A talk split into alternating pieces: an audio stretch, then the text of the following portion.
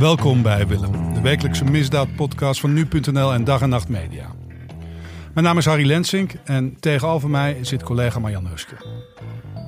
We keken er al een tijdje naar uit en afgelopen week lag het ineens in de winkel.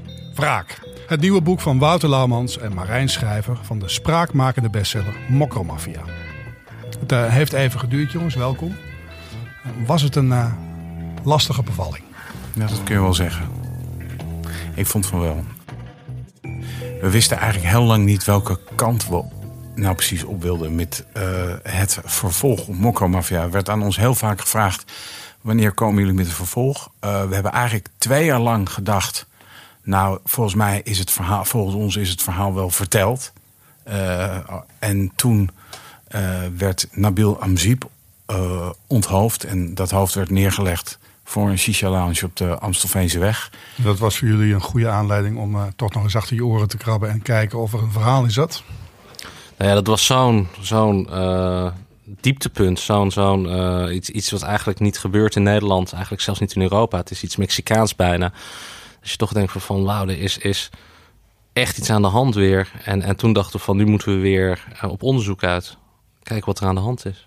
Want het was op dat moment dat dat gebeurde, had je niet, kon je dat niet plaatsen? Nou, we konden natuurlijk wel plaatsen dat de Shisha Lounge, waar dat hoofd uh, voor werd neergelegd, dat dat de, lounge, uh, de, de Shisha Lounge was waar de groep van Ben Hoef A eigenlijk ja, veel kwam. Uh, ben Hoef A was ook bevriend met de eigenaar van de Shisha Lounge. En dat, nou ja, dat, dat, dat stond allemaal wel vast. Leg even uit wie Ben Hoef A is. Ben is Hoef... iemand uit jullie vorige boek, uit de Mokromafia eigenlijk? Ja, Ben Hoef A is het, uh, uh, het beoogde doelwit van de dubbele liquidatie in de Amsterdamse staatsliedenbuurt. Dat was in 2012. Dat was dat heftige beeld van die auto waar twee jongens zijn doodgeschoten ja, dit, op straat en de kogels vlogen je om de oren. Ja, dit hele conflict begint eigenlijk in uh, eind 2012. In oktober wordt dan in uh, Antwerpen Najib Boubou geliquideerd. En uh, Benhoef die is uh, veroordeeld, ook een hoger beroep, uh, als coördinator van die liquidatie. En vervolgens was hij twee maanden later dus zelf het doelwit in de staatsliedenbuurt, waarbij twee andere jongens om het leven kwamen. Um, en en uh, sindsdien is die oorlog losgebarsten. En daar ging, dat, daar ging Mokromafia over, over dat conflict. En duidelijk twee kampen. Um, en uh, ik begreep dat jullie ook wel dachten dat is nu afgelopen. Dat is uitgevochten. Ja, nou ja, goed. Uh, Gwennet Marta is, uh, is uh, omgekomen of doodgeschoten in Amstelveen in mei 2014. En daarmee verkeerden wij eigenlijk in de veronderstelling van... oké, nou dat, dat is dus ten einde die, die oorlog tussen die twee groepen. En uh, ja, dat bleek een aanname die uh, niet helemaal klopt. En daar kwam je achter nadat het hoofd op de stoep bij de Shisha Lounge werd gevonden? Nou, er waren natuurlijk al eerder signalen. Uh, in 2000, eind 2015 is, uh, of eind 2014 was het al, sorry, ik moet het goed zeggen. Er waren al eerder signalen. Eind 2014 is uh, Luana Loes Xavier in Amstelveen geliquideerd voor de ogen van haar kinderen en haar moeder. Dat was de vrouw van? De vrouw van Ziggy. In de, in de, ja, het, we gaan, het is, weet je wat het, zijn meteen heel veel namen in. We gaan gelijk heel veel namen. Twee, het zijn twee groepen. De ene groep was de groep van Gwennet Marta en de ja. andere in groep begin, was van In het ben. begin was het vrij helder. Er was een soort van gevestigde orde. Gwennet Marta, uh, een, een, grote crimineel in Amsterdam en zijn groep. Uh, en, en eigenlijk kwam die andere groep uh, van Bennehoef. Um, die, die, die leek eigenlijk een soort van, van uh, puntje van de taart te willen inpikken. En die, die ging de oorlog aan de strijd aan met Ze waren met die... allemaal bezig met cocaïnehandel? Uh, cocaïne is, is wel de, de leidraad waar het de, de inzet. Althans toen, en in het nieuwe boek zie je dat ook, ook op een gegeven moment wraak een, een, een rol lijkt te gaan spelen voor al die moorden die al geweest zijn. Vandaar ja, ook de titel. Want dat wilde ik ook vragen. Zonder meteen hier te vervallen in allerlei namen. Waar gaat dit boek over? Wat is de essentie van dit boek? Lees de, de, de cover zou ik zeggen. Wraak. Ja, maar goed, wraak van de ene groep op de ander. Is het een familieaangelegenheid? Wat is de rode draad? Nou, de rode draad is, is uh, dat begint eigenlijk uh, in, in uh, eigenlijk tweede helft van 2014 al. Dan um, sta, staat er een schutter klaar op de oostelijke eilanden in, in Amsterdam, een volksbuurt. En uh, die staat te wachten op een, Volkswagen Polo, een donkere Volkswagen Polo. Want daarin zit Omar L. en hij wil hem vermoorden. Uh, en dan komt een auto aan, een Volkswagen Polo, en hij opent het vuur. En terwijl hij schiet eigenlijk, volgens mij, weet hij al, dit is niet de goede auto. Hij schiet uh, op een blauwe Volkswagen Polo. En daarin zit niet Omar L., maar een volkomen onschuldige huisvader, Stefan Regalo Eggermond. Um, een vergismoord. Een de eerste in dit conflict. Uh, iets waar iedereen al heel erg bang voor was dat het zou gaan gebeuren, gebeurde toen. En wat je dan ziet is dat die Omar L. die, die uh, vlucht naar het buitenland. En vervolgens uh, is er een hele reeks uh, liquidaties, pogingen tot liquidaties. En, en uiteindelijk lijkt hij daar een rol in te hebben gespeeld. En dat is, hij is de belangrijkste figuur uit jullie boek. Uh, nou, we hebben eigenlijk twee figuren die wij volgen. Uh, in, we volgen natuurlijk meerdere figuren. Uh, een andere is Mitchell Jansen.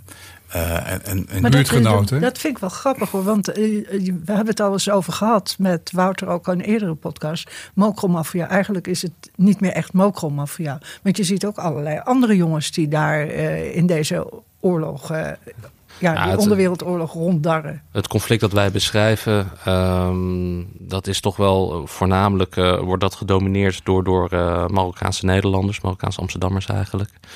Natuurlijk, uh, er zijn ook Antillianen, mensen van Surinaamse afkomst. Inderdaad, duiken ook, ook volkomen autochtonen zeg maar, op.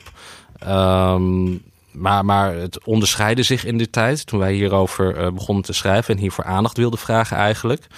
Uh, toen, hè, was het toch voornamelijk, uh, waren het Marokkaanse Amsterdammers. En, en daarom hebben we die titel toen gekozen om het uit te lichten uit al die andere liquidaties die op dat moment afspeelden. Je had in die tijd ook afrekening in het Turkse milieu. je had nog gewoon de, de, oude Hollandse netwerken die, die, waar nog wel eens wat gebeurde.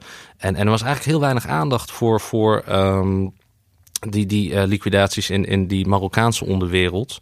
Uh, en daarom hebben wij uh, luid en duidelijk geprobeerd daar aandacht op te vestigen. Van, van jongens, de, de politie heeft een achterstand in, de, in deze wereld. En, en het zijn hele jonge jongens met heel, heel grof geweld. er is iets aan de hand, we moeten hier iets mee doen. Het is heel indringend, het is heel heftig, bloederig. Dat kan je spannend vinden. Het is ook spannend. Het is iets wat je wat je aan de ene kant uh, uh, graag wilt lezen, want het zijn zaken die nou ja, ons allemaal aangaan en allemaal die zich afspelen op straat en waar je dagelijks mee wordt geconfronteerd. Maar aan de andere kant is het ook iets wat je misschien wel niet wilt weten. Wat, waar je eigenlijk helemaal waar je koud voor wordt. Wat, wat is jullie drijfveer om dit op te willen schrijven? Nou, wij hebben in de, uh, in de nasleep van uh, Mokko Mafia hebben wij op een aantal scholen uh, lezingen gegeven in Amsterdam West. En ehm, wat ons eigenlijk aangreep is dat die jongens die hierbij betrokken zijn, dat zijn als je in de recht, als je in de rechtszaal zit, zijn dat dan hoor je wat er hen ten laste wordt gelegd door, de, door het OM. En dan hoor je eigenlijk monsterlijke daad na monsterlijke daad. Ehm, wat ons treft is dat dit eigenlijk gewoon mensen zijn. En mensen die monsterlijke dingen doen. En mensen die zich bezighouden met monsterlijke dingen. Maar eigenlijk uh, vonden. Ik, tenminste, ik, misschien praat ik gewoon voor mezelf hoor. Maar ik vind dat het meest. Dat is voor mij de reden om zo'n boek te schrijven. Om te laten zien. Jongens, dit is niet iets wat buitenaards is. Nee, dit is gewoon onder ons. Dit is gewoon. Menselijk. Dit is, ja, dit zijn mensen. En dat is de gekke, gekke, gekkigheid als je zo'n boek schrijft.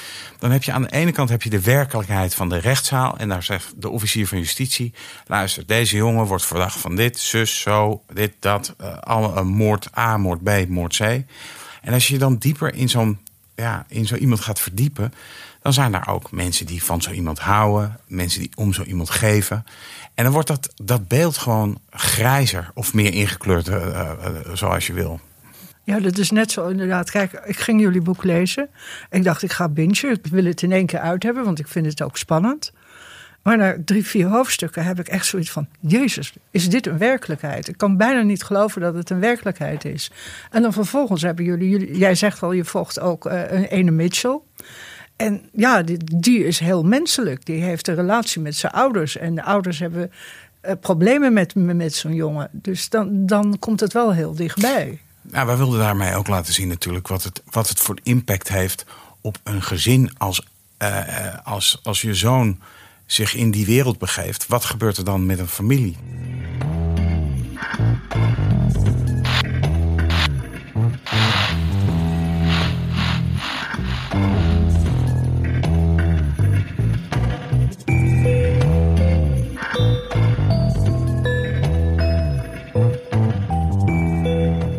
Dat is een goed voorbeeld. Hè? Mitchell Jans hebben we het dan over. Uh, die zit op een bepaald moment vast. En dan vertellen jullie ook dat het uh, rond oud en nieuw... dat zijn vrienden vuurwerk afsteken bij de Bijlmer Baaiers. Het is bijna inlevend, hè, als je, zoals je dat beschrijft. Ik vond het ook uh, op het moment dat hij wordt doodgeschoten in Colombia, geloof ik. Dan, dan schrijven jullie het vanuit het perspectief van zijn familie. En dan lees ik de baby die ze hebben getroost en zachtjes in slaap hebben gewiegd.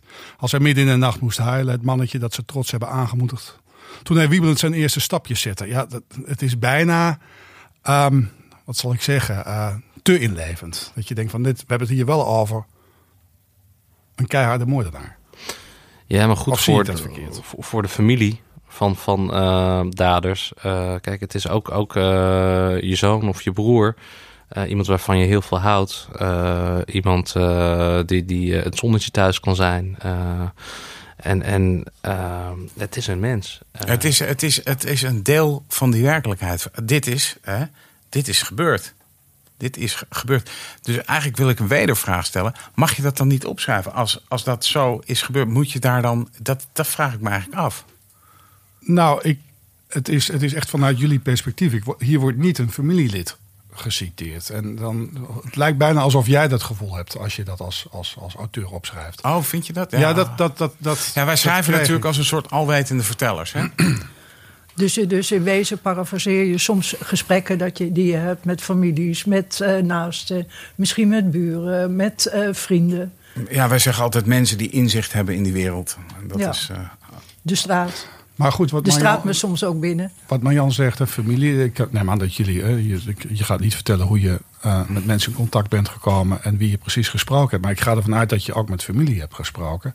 En is dat dan iets wat je raakt? Is het dan toch die verplaatsing die je doet. Uh, in hun hoofden? Dat je het vanuit hun perspectief bekijkt? Nou, in boek 1, uh, het eerste boek, volgden we Redda Benayem. En dat was ook iemand die tenminste in verband is gebracht met twee brute uh, liquidaties. Wat wij willen laten zien is dat er, dat, er, dat er ook mensen zijn die gewoon van zo iemand houden. Als je kind, als je kind uit de bocht vliegt, dan hou je nog steeds van je kind. Waar, waar ik eigenlijk uh, waar ik heel slecht tegen kan, is als mensen zeggen, dat horen we natuurlijk vaak, als ze elkaar doodschieten, dan maakt het mij niet uit. Hè, opgeruimd is netjes. En, en daar maak ik eigenlijk bezwaar tegen. En, en daarom wil ik laten zien dat, dat de, deze mensen uh, ook, ook uh, dromen hebben gehad. En, en een, een, een, een, weg in het leven hebben gehad. Waardoor ze op de plek zijn gekomen waar ze uiteindelijk zijn. waar, we waar we zien wat er dan allemaal met ze gebeurt. Um, je, je wordt niet geboren als moordenaar. Maar, maar komt, de, komt het dan door het is, hun maar het is uh, achtergrond? Hun, ze zijn allemaal familie van elkaar. Nee, niet familie, maar vrienden zijn die jongens ik, van ja, elkaar. Ik wil toch nog heel even wat over zeggen. Want het ja. is niet alsof wij in dat boek um, zijn uh, slechte kant niet belichten. Nee, zeker niet. Dat dus het is niet alsof wij een soort uh, held van hem maken. Want dat is wat we echt proberen. We proberen een mens van hem te maken. Een mens waar andere mensen om geven. En dat is waarom wij die passage zo hebben, hebben, hebben opgeschreven. Ik vind het ook wel mooi, maar het lijkt me ook een spagaat waar je in zit. Ik vind het ook heel goed naar voren komen met uh, Amziep, geloof ik, moet ik zeggen, Nabil Amziep. En dat, ik herinner me nog de dag dat, dat zijn hoofd werd gevonden. En uh, meen ik het parool die avond meldde dat hij ook in een reclamefoldertje van een school stond. Of van een, van, woningbouwvereniging. Van een woning, woningbouwvereniging als klusser en een, een, blije, een blije gozer. En eh, die wel een bepaald toekomstperspectief had binnen zijn beroepsgroep. En dan blijkt het toch echt, en dat, dat heb ik, ik heb het gelezen uit, uit in jullie boek, die, die, die PGP-berichten. Een ijskoude killer. Ja, en dan. Oh, sorry. Nee, kameraadschap uh, speelt, speelt een enorme rol. Er zijn heel veel jongens uh, in dit boek die, die uh, verdacht worden van, van liquidaties of ze hebben gepleegd. Die kennen elkaar soms al vanaf de crash. ze komen allemaal uit dezelfde wijk. Um, je ziet, ziet een, een, een heel snelle carrière. Dat, dat ze een paar jaar geleden Hè, waar waren het nog inbrekertjes, uh, kruimeldieven. En opeens worden ze gepakt met wapens en zijn ze onderweg om een liquidatie te plegen. Uh, maar maar het, het is, uh, die, die jongens worden ook op een bepaalde manier geronseld om, om, en, en, en lekker gemaakt om, om dit werk te doen. En, en dan speelt die kameraadschap van dat ze, dat ze allemaal vrienden zijn van elkaar, dat, dat speelt een hele grote rol. Maar tegelijkertijd, maar tegelijkertijd willen ze ook geld verdienen. Want ze willen, willen toch uh, leuke dingen. Ah, ik wil er heel even nog ergens op terugkomen. Um, uh, als je die PGP-berichten leest, die worden ook als bewijs aangedragen in, die, in de rechtszaal uh, tegen die jongens. Ik kan me voorstellen dat die PGP-berichten worden geschreven in een adrenaline rush van hier tot vier. Die jongens staan op dat moment in de bosjes met een wapen klaar om iemand dood te schieten dan is er geen. Ja, ik kan me voorstellen dat je dan niet je zielenroerselen deelt met je opdrachtgever. Van jeetje, Mina, waar ben ik mee bezig? Wat heb ik gedaan? Um, als je alleen dat op zou schrijven, dan zou het maar één, één kant van zo'n jongen belichten. Bij Nabil Amzib, als je die PGP-berichten die aan hem worden toegeschreven leest, dan wordt het gewoon koud in je nek. En daarom schrijven wij ook op dat hij s'avonds niet kan slapen en troost zoekt bij zijn moeder. Dat geeft, een, een, dat geeft ook een andere, een, een gebalanceerder beeld. Bedoel, kunnen die jongens kunnen misschien door hun vriendschap ook niet uit dat wereldje stappen? Zou dat ook nog zo kunnen zijn? Bedoel, je zit er één keer in en op het moment dat je niet meer meedoet, dan. Uh, ja, ik geloof zeker dat er, een soort van, dat er een soort van punt is dat, dat je bijna niet meer terug kan, inderdaad. Dat op een gegeven moment dat je mee bent geweest. Uh, Moorden. Nou, moord is het klaar. Ja. Ik bedoel, je gaat eerst mee een gestolen auto uh, halen, nummerplaten plakken. en vervolgens uh, krijg je ineens, uh, mag je ook nog een wapen ergens ophalen. Ja, en dan moet je schieten. Maar toch vind ik dat makkelijk, Marjan. Want jij vroeg het net ook. van, ja, hoe, hoe, hoe kom je daartoe? En dat vind ik toch nog steeds een lastig. Ik vind het mooi wat je zegt en ik geloof er meteen in. En dat, uh, er is een familiegevoel, er zijn ouders die van kinderen houden. Uh, iedereen heeft zijn angsten. En uh, dus inderdaad, je kruipt weg bij, bij je moeder als je bang bent. Tegelijkertijd, een moment later ben je dus in staat iemand af te knallen. En ik, ik vind het te makkelijk om te zeggen, ja, dat is vriendschap, dat is, daar ben je ingerold. Ja, maar deze jongens dromen ervan om een grote gangster te worden, zoals Tony Montana en Scarface. Maar waarom dromen ze daarvan? Uh, nou ja, dat heeft diverse oorzaken. Uh, enerzijds, eh, de een zal denken van, van ik heb, wat ga ik anders doen met mijn leven? De andere, die, maar ze worden ook, dit, dit zijn jongens, sommigen hebben ook, die worden omschreven als, als zwakbegaafd. makkelijk beïnvloedbaar, hoor je natuurlijk vaak. zien eigenlijk niet goed het verschil tussen, hebben geen gevoel voor ethiek, wat goed en slecht is in de wereld. En daar wordt heel handig gebruik van gemaakt door, door criminelen die op zoek zijn naar uh, loopjongens om, om uh, deze klussen uit te laten voeren. En kijk, ik, op een gegeven moment uh, hadden we de term kindsoldaten speelde een beetje bij ons door het hoofd. Van, van, van, hè, straatsoldaten zou ik zeggen. Straatsoldaten, dat is zelfs op een gegeven moment een, een potentiële titel voor het boek geweest. Um, maar het zijn ook een soort van, uh, zeg ik wel eens, een soort van loverboy-slachtoffers. Uh, in de zin van dat, dat uh, ze worden verleid om, om deze wereld in te gaan. Het, maar het is ook niet voor niks dat legers door de geschiedenis heen dol zijn geweest op jongens in deze leeftijdscategorie. Deze jongens die denken dat vriendschap voor eeuwig is, dat vriendschap alles is. En dat is het niet. Band of Brothers nou ja, ik bedoel, dat, waar, dat is wel de, de. Eh, ik bedoel, uh, en ik wil ze in niks vergelijken met, met de jongens die hier, uh, hierin in dit conflict figureren. Maar als jij op die day uit een landingsvaartuig springt. en je rent op de Duitsers af en je denkt: ik word niet geraakt, ik word niet geraakt. dat, dat, dat beeld kwam af en toe een beetje bij mij naar boven. Van, wat, wat denk je? Daar, wa- waar ben je mee bezig? Maar goed, eh, die jongens gingen op pad door een ma- een man die jullie in, in, in jullie boek in eerste instantie Sue noemen. Eh, Jullie zijn op zoek, wie is die opdrachtgever? Wie is die Sue? Sua. Ja, je ziet een, ziet een groep eh, Ja, vrienden. vervolgens werd hij Suarez genoemd. Sua, Suarez. Eh, Wat ik dus net vertelde, die, die groep vrienden van de Oostelijke eilanden, die jonge jongens, die ehm, in wisselende samenstellingen komen die steeds eh, terug bij verschillende eh, liquidatiepogingen of, of liquidaties. Ehm, en, en op een gegeven moment duikt ook steeds vaker in die PGP-berichten dan de naam Suarez op, Sua Suarez, eh, als een, coördinator of opdrachtgever. En op een gegeven moment is natuurlijk de vraag: wie is dat dan? Wie is degene die eh, de, de opdrachten aanstuurt? Want je kan wel al die jongens blijven oppakken. En dat moet je ook waarschijnlijk doen. Ehm, maar, maar er lijkt een soort van eindeloze eh, voorraad van, van, van eh, mensen die bereid zijn dit werk te doen. Dus waar je naar op zoek moet, is ook wie, zijn, wie is de opdrachtgever, wie zijn de opdrachtgevers en waar zitten ze? Die zitten vaak niet eens in Nederland, die blijven vaak veilig in het buitenland. En inderdaad, eh, wie dan die Suarez is, dat, dat is een, een, een belangrijke lijn in het boek. Maar dat is dus Omar L.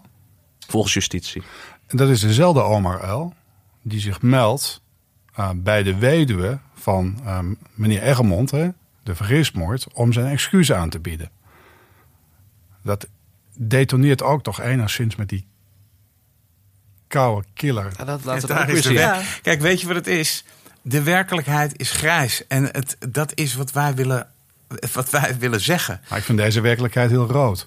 Nou, nou ja, goed. Eh, hè, de werkelijkheid is niet zwart-wit. We het daarop dan op houden? Maar het is. Het is, het is ehm, de werkelijkheid is. Er zijn ouders die van zo'n jongen houden. De politie treedt keihard op. Begrijp je ook? Je begrijpt dat de politie keihard optreedt. Maar om- hij gaat zijn excuus aanbieden aan de weduwe van een man die is doodgeschoten door zijn opponenten, vermoedelijk. Ja, omdat hij waarschijnlijk het, eh, het, vermoedelijke ik- doelwit was. Dat vind ik een mooi gebaar.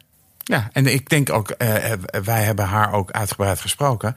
En wij hebben haar meerdere keren gevraagd: waren die excuses volgens jou oprecht? Daar twijfelde ze, heeft ze nooit één moment aan getwijfeld.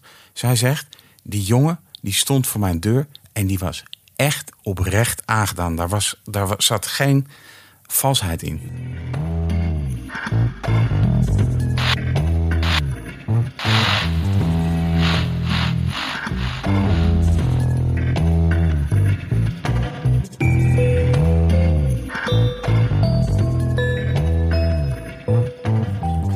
Zoals jullie hem omschrijven, ontstaat het beeld van een redelijk slimme kerel. Eh, de man met het studentenbrilletje. Ehm, is het jullie gelukt om ook in zijn hoofd te komen, om zijn motieven, zijn beweegredenen eh, in kaart te brengen? We hebben hem niet zo eh, goed leren kennen als dat we hadden gewild. Ehm, je kan niet dingen bedenken. Het is, het is non-fictie. Ehm, dus we hebben, we hebben zien vooral eigenlijk die PGP-berichten eh, die hij zou hebben verstuurd als Suarez. En, en eh, die zijn heel gruwelijk. Dat is, dat is op een gegeven moment is hij alweer bezig met, met een nieuwe, nieuwe hitman, Suarez. En, en dan zegt hij over een, een groep jongens die, die eerder door de politie we- werden gearresteerd. Ah joh, ja, die mokrootjes die zitten vast, maar ik heb genoeg andere toppers over. Hij lijkt redelijk gevoelloos. Ehm, dan, dan, dan vraagt er iemand eh, of hij tijd heeft voor een liquidatie. En, eh, vraagt hij van, nou goed, ik, ik, kan, hè, zegt hij, die, die eh, hitman die wordt gepolst. Ik, ik zou wel kunnen. Wanneer is het? En wat is het dan precies? Ja, even een sukkeltje vegen, antwoordt zware standen. Dus als je op, op basis van die PGP-berichten komt een beeld naar voren van, van een, ja, een, gevoelloze eh, opdrachtgever. Ehm, dus, dus ik had graag nog meer eh, over hem ook persoonlijk eh, leren kennen. Het is wel ook een, man die over veel, financiële middelen beschikt. Want Ja, als ik was kijk, jou dat ook opgevallen? Nou ik ja, zat me ook worden alsmaar af te gigantische vragen. bedragen Hij betaalt ze, eh, hij zorgt voor wapens. Ja, dat zei- eh, dat zei waar zijn komt al het geld vandaan Ja. wat ze hebben? Nou, dat, dat zei zijn advocaat ook eh, toen de rechtszaak. Want deze jongens hebben voor een deel eh, afgelopen maand voor de rechter gestaan. Ook van, van het, het is natuurlijk eh, vrij simplistisch eh, om, om hem alleen als, als eh, de opdrachtgever eh, te zien. Alsof hij het allemaal in zijn eentje eh, bedenkt. Eh, want want eh, waar haalt zo'n jongen inderdaad allemaal eh, zijn geld vandaan? Ehm, dus dus eh, de precieze, precieze geldstromen. Nee, maar kan je hem positioneren als een machtig man? En, want als je over zulke bedragen kan beschikken, neem ik aan dat je ook wat in de melk te brokkelen hebt. Als, ja, kijk, ik bedoel... Is hij een moordmakelaar of, of de leider van een bende? Nou, kijk, het, het, het voorbehoud dat we moeten maken is dat hij nu momenteel nog verdacht is. Hè. Dat Ja. is een belangrijk ding. eh. maar eh, het, nou ja, het is in elk geval iemand wel eh, met, met die invloed wordt toegedicht ook door de, door de eh, recherche. Het is niet zomaar een, een straatjongen. Het is wel is het dan die... de categorie van iemand wiens naam hier wel vaker is gevallen en die ook in het boek valt? eh Noffel, een van de grote jongens uit deze conflicten. Is het die categorie? Nou, je, hebt in de, in de onderwereld, althans in dit, dit conflict, zie je vaak een, dat criminele organisaties bestaan uit een, een, soort van kleine harde kern. Met daaromheen heel veel freelancers, loopjongens. Ehm, en, en je hebt zeg maar de groep Benhoef, hè, de Benhoef die we in het begin eh, noemden. Ehm, die zou net als Suarez ehm, onderdeel zijn van één groep. Eh, en ik denk dat, dat je ongeveer moet zien dat zij op een eh, gelijke hoogte staan in, in die groep. Je kijkt nu Wouter aan en die, die zwijgt even. Nou ja, nee, de vraag is, staat hij op gelijke hoogte eh, met Novel? Kijk, Novel, F heeft een, een, een hele eh, bliksemsnelle carrière eh, eh, doorgemaakt. Die is eigenlijk door Benno aangewezen als zijnde een van de schutters in de staatsliedenbuurt. Dat is En- nog omstreden, begreep ik. Als Ja, dat, eh, is omstreden. proces volgt. Nou, dat is heel omstreden. eh, want eh, hij, die, die zaak, eh, hij is daar ook nooit. eh, hij is wel verdachte geweest, maar nooit daarvoor voor de, voor de rechter eh, eh, geweest. En ja, en Nauvel, Nauvel F, die heeft natuurlijk gewoon eh, een soort. eh, ja, een soort hele snel, een pijlsnelle carrière gemaakt. En dat is, dat is denk ik bij eh, deze Omar wel anders. Ik denk dat daar familieverbanden eh, toch ook wel een rol spelen. Ja, want zijn broer is, die, is de neef. broer die vermoord is in de staatsliedenbuurt. Ja, als ik het broer- goed heb. ja, hè? zijn broer is Waar een, alles eh, mee begint dan. ja. Dus daarom zou hij uit zijn op wraak. Nou, je ziet inderdaad in het boek eh, komen dus een aantal liquidaties en eh, pogingen eh, voorbij. En, en eh, het, het motief lijkt bij veel van die eh, liquidaties niet, niet om de macht op de cocaïnemarkt te vergroten. Maar eigenlijk een soort van wraakactie te zijn. Een soort domino-effect. Onder andere voor inderdaad de gebeurtenissen in de statiedebuurt. Op een gegeven moment zijn ze op zoek naar een crimineel met de bijnaam Hitler. En dan zegt Suarez, ik, ik zoek hem al jaren. Hij heeft de statiedebuurt georganiseerd. En dan, hè, dan kom je terug op dat wraakmotief. Hadden jullie, hadden jullie dit boek kunnen schrijven zonder dat eh, knappe koppen bij het NFI in staat waren geweest om die PGP-sleutels te, eh, te kraken? Nee, nee, ik denk dat heel veel zaken onopgelost zouden zijn gebleven als dat eh, niet gebeurd was. Was het dan een ander boek geworden of was het dan helemaal geen boek Ik geworden? denk dat het helemaal geen boek geworden Nee. is. Wij wilden niet een, een hè, want de, roep om een vervolg was vanuit meerdere kanten vrij groot de afgelopen jaren. Maar, maar wij wilden niet een soort van encyclopedie maken met, met alles wat er is gebeurd in de afgelopen x aantal jaren. Eh, ook niet een, een, een eindeloze bodycount van, van, van eh, hè, dat je allerlei verschillende conflicten op één hoop gooit en, en eh, kijk, kijk wat een geweld allemaal.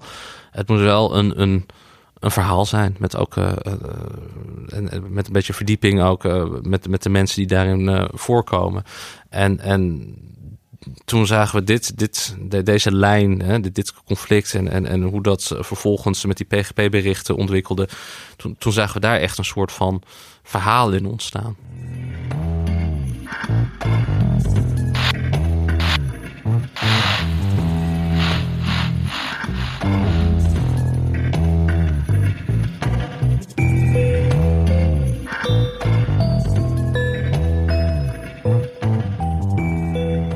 De vergismoord van Egmond, was dat de reden dat de politie nog eens een uh, extra uh, ja, stap, investering deed? investering deed? Toen, toen duidelijk werd dat dat een vergismoord was, en dat heeft even geduurd, uh, is er denk ik bij de politie wel het een en ander gaan leven van: hé hey jongens, dit, dit, dit moet gewoon hier moeten we wat aan doen. Maar je ziet eigenlijk dan nog een soort machteloosheid. Uh, en dat, dat is niet machteloosheid van we zijn niet bezig met opsporingsonderzoeken, maar gewoon uh, uh, we lopen de hele tijd van incident naar incident.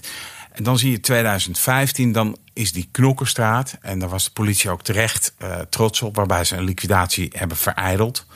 Uh, door knap politiewerk. Uh, er was iets mee met dat ze inderdaad auto's konden ja. onderscheppen. En toen ineens wapens vonden. Ja. En... Ze hebben toen die auto in de plaats van normaal gesproken maken ze een liquidatie stuk. Dus dan, weet je wel, dan, dan blazen ze het af.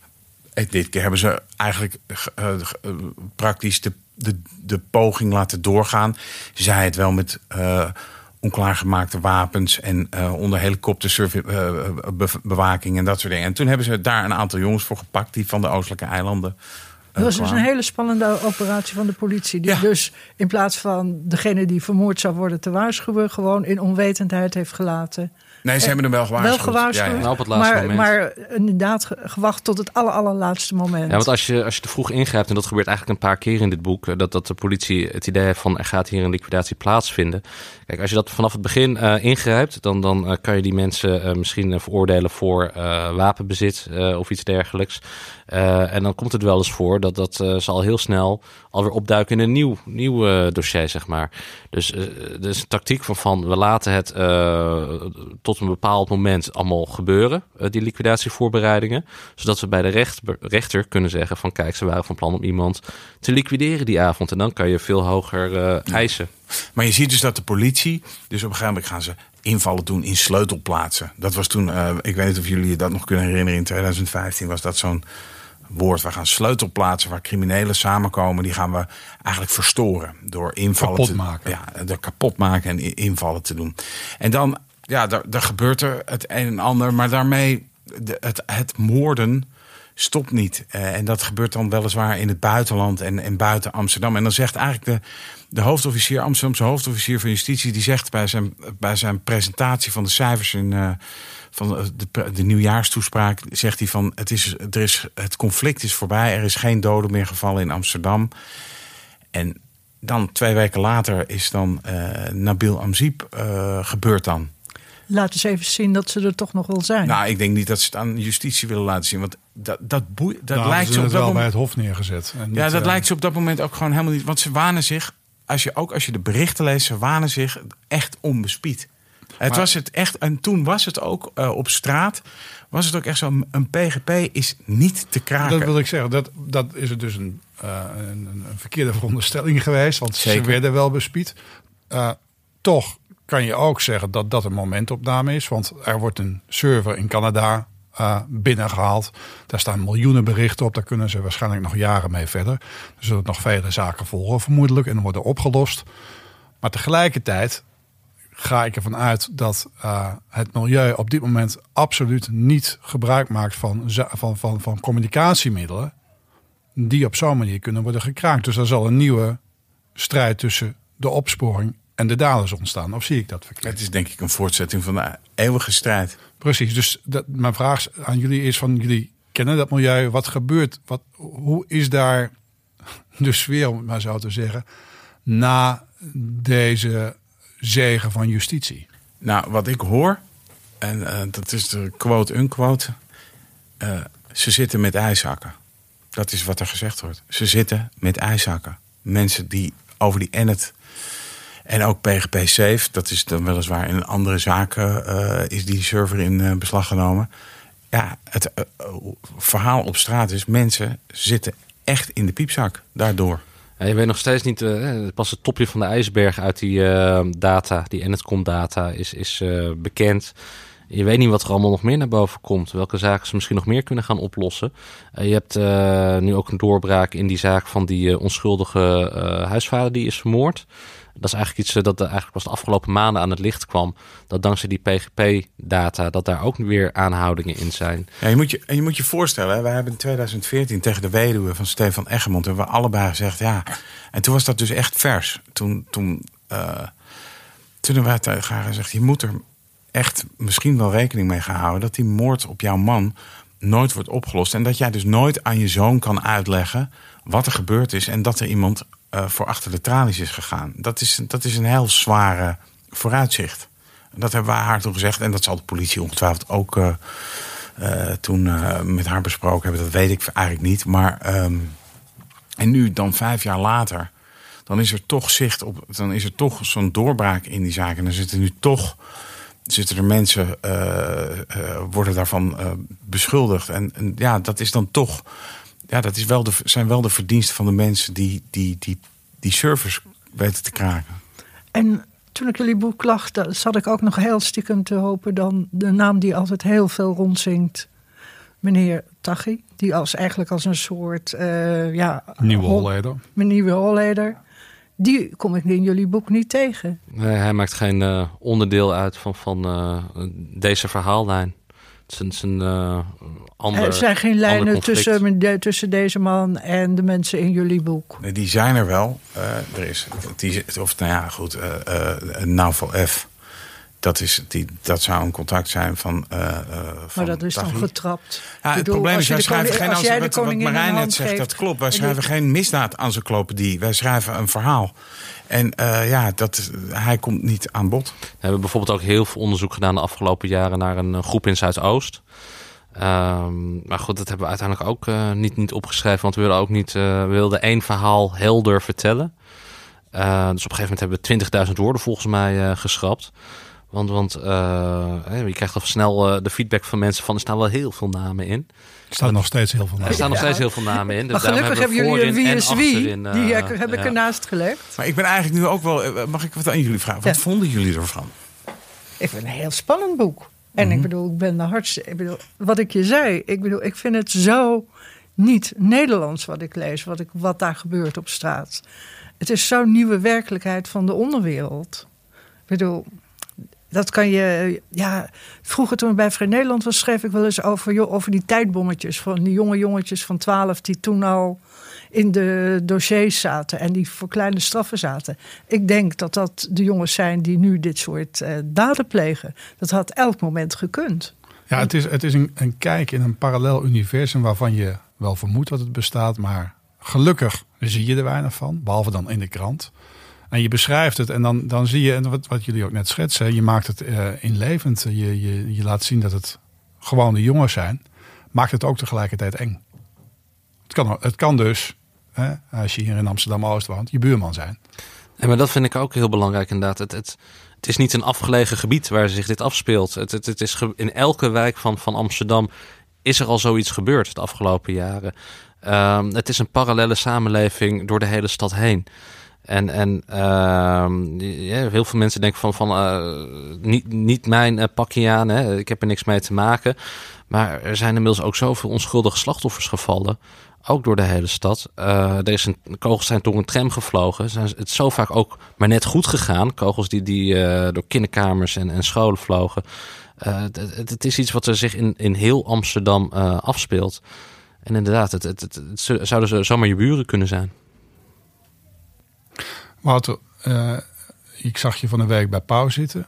En op het eind zei Pauw als afsluiter, noemde het boek. En zei voor de jongens die bij hun moeder thuis op de bank zitten te kijken als aanrader. En ik zag je een beetje zo wegdraaien van, nou wat is dat voor tekst? Of heb ik dat verkeerd gezien?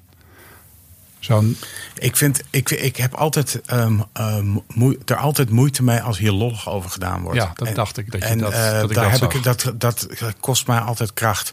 Ik heb ooit ook uh, aan tafel bij Pauw... Um, toen het lichaam van uh, Nabil Amsipi... of toen die onthoofding had plaatsgevonden...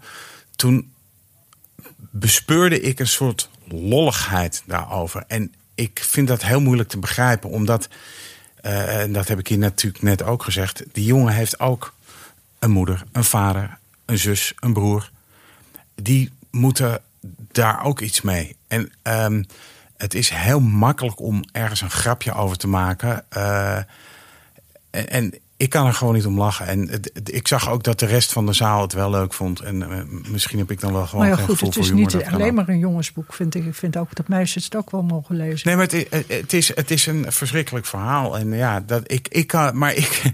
Misschien uh, ben ik ook uh, toch ook geraakt door alles wat, we, wat wij, uh, zeg maar, de afgelopen. Ik, moest jij lachen, Marijn? Ik, ik snapte hem niet helemaal. Ehm, kijk, in, in principe hoop ik dat, dat risicojongens, noemen ze maar zo, dit boek misschien wel lezen. Omdat je ziet dat het nooit goed afloopt. Of je komt om het leven, of je gaat heel lang, misschien wel levenslang, de gevangenis in. Um, dus in die zin. Uh, ja. heb, je het boek daar. Jullie noemden net dat je op school bent geweest. En hè, dat je. Nou ja, goed. Dat je daar toch ook iets vertelt over deze wereld. Heb je het boek ook. Nou, laat ik het anders zeggen. Denk je dat jullie boek ook gelezen wordt? Nou, we weten door deze het, doelgroep. We weten dat het razendsnel verspreid wordt via WhatsApp op dit moment. Uh, en ja, als je, misschien moet je daar ook niet over piepen als je een boek schrijft over misdaad. Dat dat boek uh, op grote schaal gejat wordt. Ja, ah, en aan de andere kant, nee, maar ik heb, ik, we waren, ja, maar we, we waren laatst waren wij op een, op een lezing in, uh, in Slotervaart. En daar kwamen allemaal mensen op ons af. Die zeiden: Ja, ik heb dat boek gelezen. Toen op, uh, heb ik het doorgestuurd gekregen als WhatsApp. Maar ik lees nooit boeken. Toen denk ik, ja, misschien is het dan ook wel missie geslaagd. Ik weet het niet. Heb, heb je al feedback uh, gehad van, vanuit de wereld waar je over schrijft? Uh, ja, ze vinden, uh, maar voorzichtig. ze vinden het een goed geschreven boek. En dat is ongeveer wat ik. wat, dat is wel fijn, wat, wat we terug horen. En ook dat het, of het klopt, krijg je daar dan nou, reacties op? Of het klopt. Ja, natuurlijk klopt dat. Ja, ja maar, de, maar, maar het, is, het, is, een open eind. Hè? Het is nog allemaal een rechtszaak. En, ja, nee, de, de, het is nog niet allemaal bewezen de natuurlijk. De verdenkingen zijn eigenlijk uh, de verdenkingen van, van het Openbaar Ministerie. Ja. Ja, maar ik kan me voorstellen dat je bijvoorbeeld correcties krijgt... of aanwijzingen of tips. Dat, dat, dat er toch iets op gang komt. Ook door het boek. Nou ja, je, je, hoort, je hoort dingen. Maar de tamtam -tam gaat dan heel hard... op straat gaat heel hard werken altijd. Dat we bij het vorige boek uh, was dat ook zo. En uh, ja, daar, daar komt soms iets nuttigs uit en, soms meer ruis. Want het is natuurlijk een wereld die, die bol staat van de, van de ruis. Ja, dat, dat moet de tijd een beetje uit. En de eerste correctie die is al binnen. Want ik heb per ongeluk uh, ergens in de laatste fase van het schrijven... wilde ik een hoofdstuk nou van Wouter inkorten. En heb ik opgeschreven dat Marrakesh de hoofdstad van Marokko was. Nou, dat, dat, dat oh. is nou, niet zo. Dat, dat ja. zal je kwalijk worden genomen. Dus, dus dat is de eerste correctie die bij de volgende druk aangepast wordt. Hey, en wat, ik ook nog, wat ik me ook nog zat af te vragen, uh, de, de kroongetuigen van Marokkaanse origine. De, uh, wat vinden jullie daar nu van? Want ik bedoel, hij komt niet in jullie boek voor. Hij noemt ineens weer heel veel uh, liquidaties, waarbij noemt hij namen die erachter zouden zitten. Maar deze man, die kroongetuige, lijkt mij zo'n straatsoldaat van jullie. Kan hij dat überhaupt weten?